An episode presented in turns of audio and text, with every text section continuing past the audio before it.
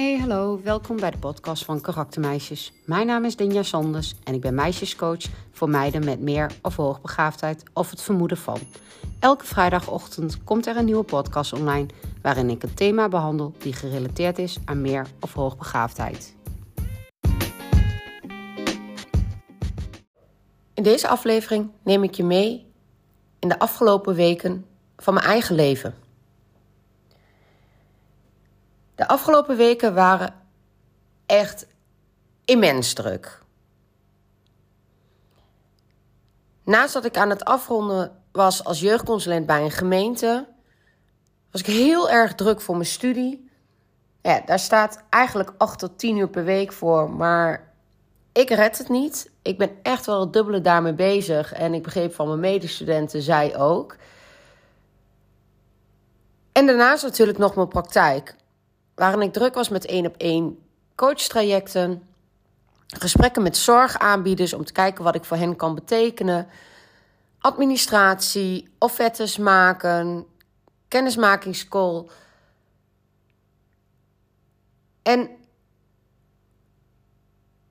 dan heb ik het nu alleen nog maar over mijn werk en mijn studie. Daarnaast ben ik moeder van een zoon van 11 die in groep 8 zit. Dus ook daar moesten allerlei dingen voor geregeld worden. Hij ging op kamp, er moesten nog twee A4'tjes met allerlei foto's en teksten over de hele basisschoolcarrière naar school gestuurd worden. Even dit regelen, even dat regelen. Afscheidsfeest van voetbal, um, überhaupt voetbalwedstrijden tussendoor. Daarnaast ook gewoon quality time met elkaar. Nou, quality time met mijn zoon en met mijn vriend, die was de afgelopen periode wel wat ingewikkeld.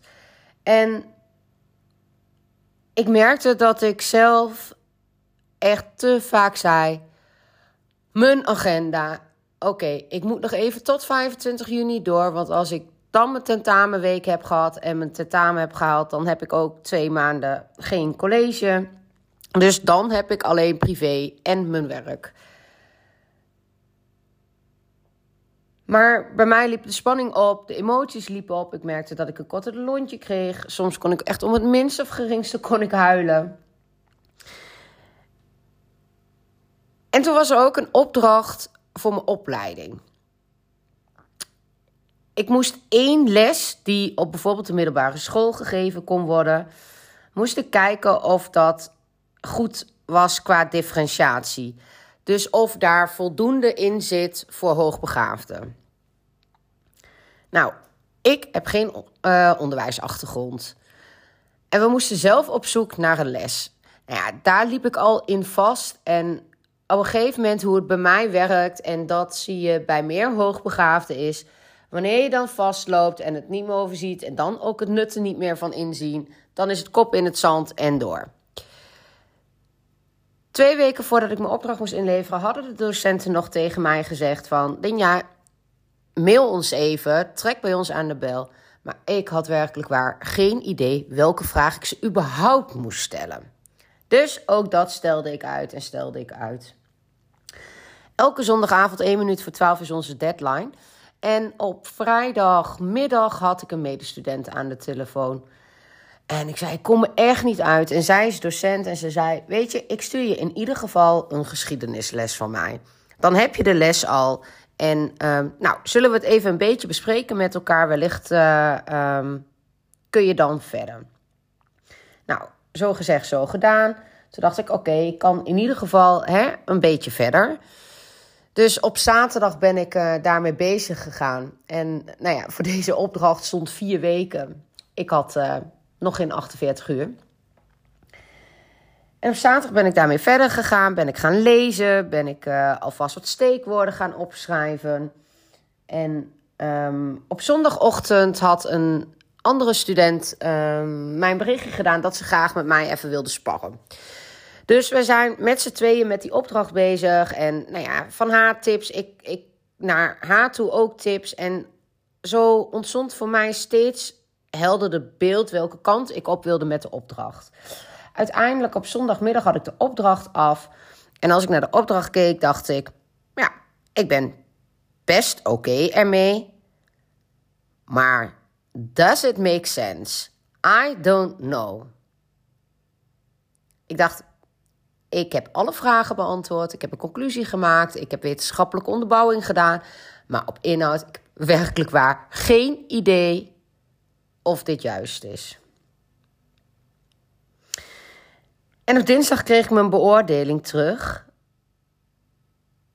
En ik had een 8. Dus ik heb echt even een vreugdedansje gedaan. Want hey, vier de positieve dingen. Maar ik dacht ook bij mezelf: jeetje. Heb je je daar nu zo druk om gemaakt? En wat heb je jezelf onderschat?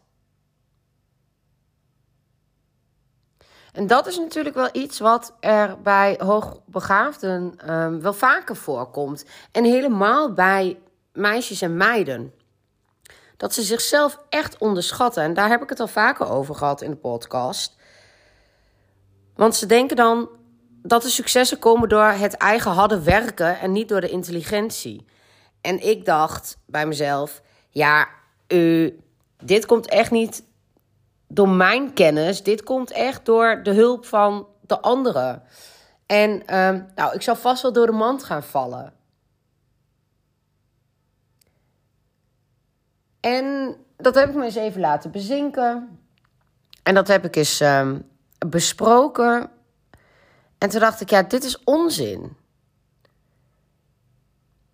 Ik heb de wetenschappelijke artikelen gelezen en ik mag dan wel geen leerkracht zijn, maar op inhoud weet ik wel wat er in die artikelen staat. Ik heb kennis van hoogbegaafdheid en ik kan die koppeling prima maken. Dus ik mag wat meer vertrouwen in mezelf hebben.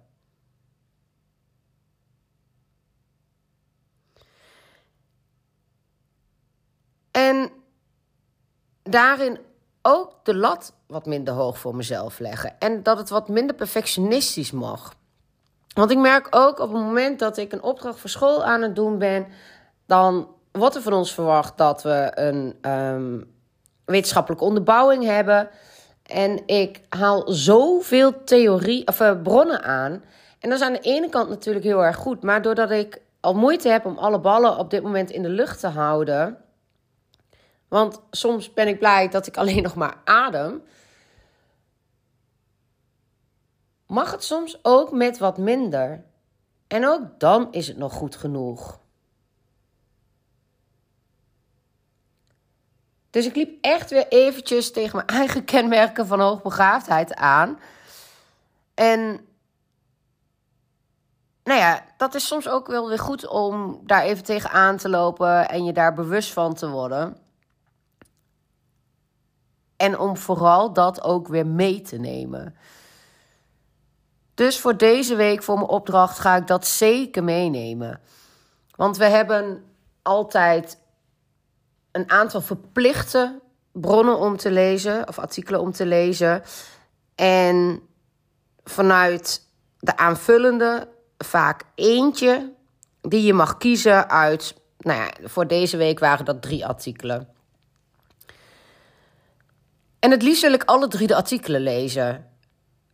Ook omdat ik merk, hoe moe ik ook ben, als ik met de informatie over hoogbegaafdheid bezig ben, dan gaat mijn vuurtje aan. Dan word ik mega enthousiast, gemotiveerd en wil ik alleen maar kennis vergaren. Dus het liefst wil ik alle drie de artikelen lezen. Maar ja, ook bij mij zit maar 24 uur in een dag. En aangezien ik een aantal keren begin van de avond heb geslapen, is dat echt wel een signaal dat ik even een pas op de plaats mag maken. Dus ik heb mezelf opgelegd dat ik voor deze maar één artikel mag lezen.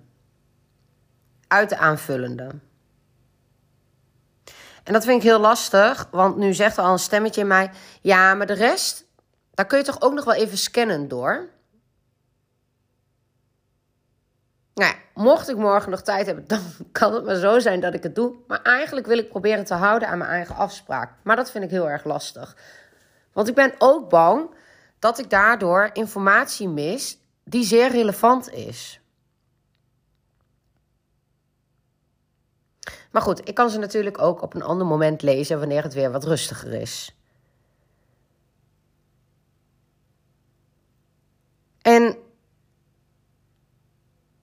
Weet je, hoe goed je jezelf ook kent. Op sommige momenten in je leven dan loop je zelf weer even tegen de lamp. En hey, that's okay. Als je maar bewust ervan bent. Als je dan maar mensen om je heen hebt waar je dat mee kunt bespreken. Ik heb bijvoorbeeld vanochtend echt nog een potje gehuild bij mijn vriend. Het was klaar, er kon niks meer bij in. Ik kon niks hebben. Ik vatte heel veel dingen negatief op, terwijl die helemaal niet zo bedoeld waren. En dan lucht het echt wel op om, voor mij tenminste, om even te huilen, dan het erover te hebben en te relativeren. En hop, weer terug naar de orde van de dag. En soms ook om toch een keuze te maken om even tijd voor mezelf te nemen. Want ik wilde vanmiddag aan mijn studie, maar ik was zo moe dat ik dacht: nee, dat ga ik niet doen. Dus ik heb vanmiddag er ook voor gekozen om mijn agenda leeg te gooien. Heerlijk even bij mijn ouders een kop koffie gedaan. Thuis op de lounge set gehangen. Waardoor ik vanavond weer goed aan mijn studie kon.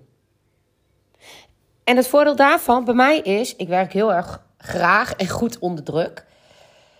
Ik heb alleen morgenmiddag nog tijd, want zondag hebben we twee verjaardagen. Dus die dag valt af. En zaterdagavond heb ik ook nog een feestje. Dus ik heb alleen morgenmiddag nog. En ik had de afspraak met mezelf gemaakt dat ik van aanvullende bronnen maar één artikel mocht lezen. En qua tijd ga ik het dus ook niet redden om heel veel meer te doen. Dus die lat mag lager. En waarom ik dit stukje privé deel is omdat het voor heel veel hoogbegaafden herkenbaar is. En je bent niet de enige. En ik mag dan wel heel veel kennis van hoogbegaafdheid hebben, maar je hoort het. Als het om mezelf gaat, gaat het ook bij mij wel eens mis. En tja, wat is mis?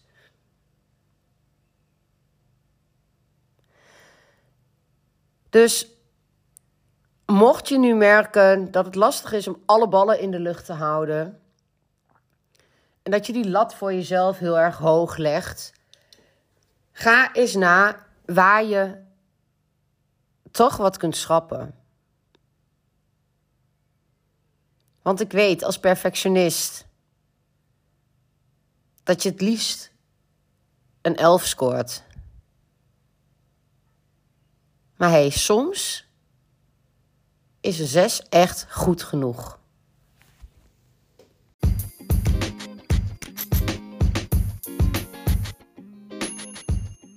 Ik zou het tof vinden als je me laat weten wat je van deze aflevering vindt.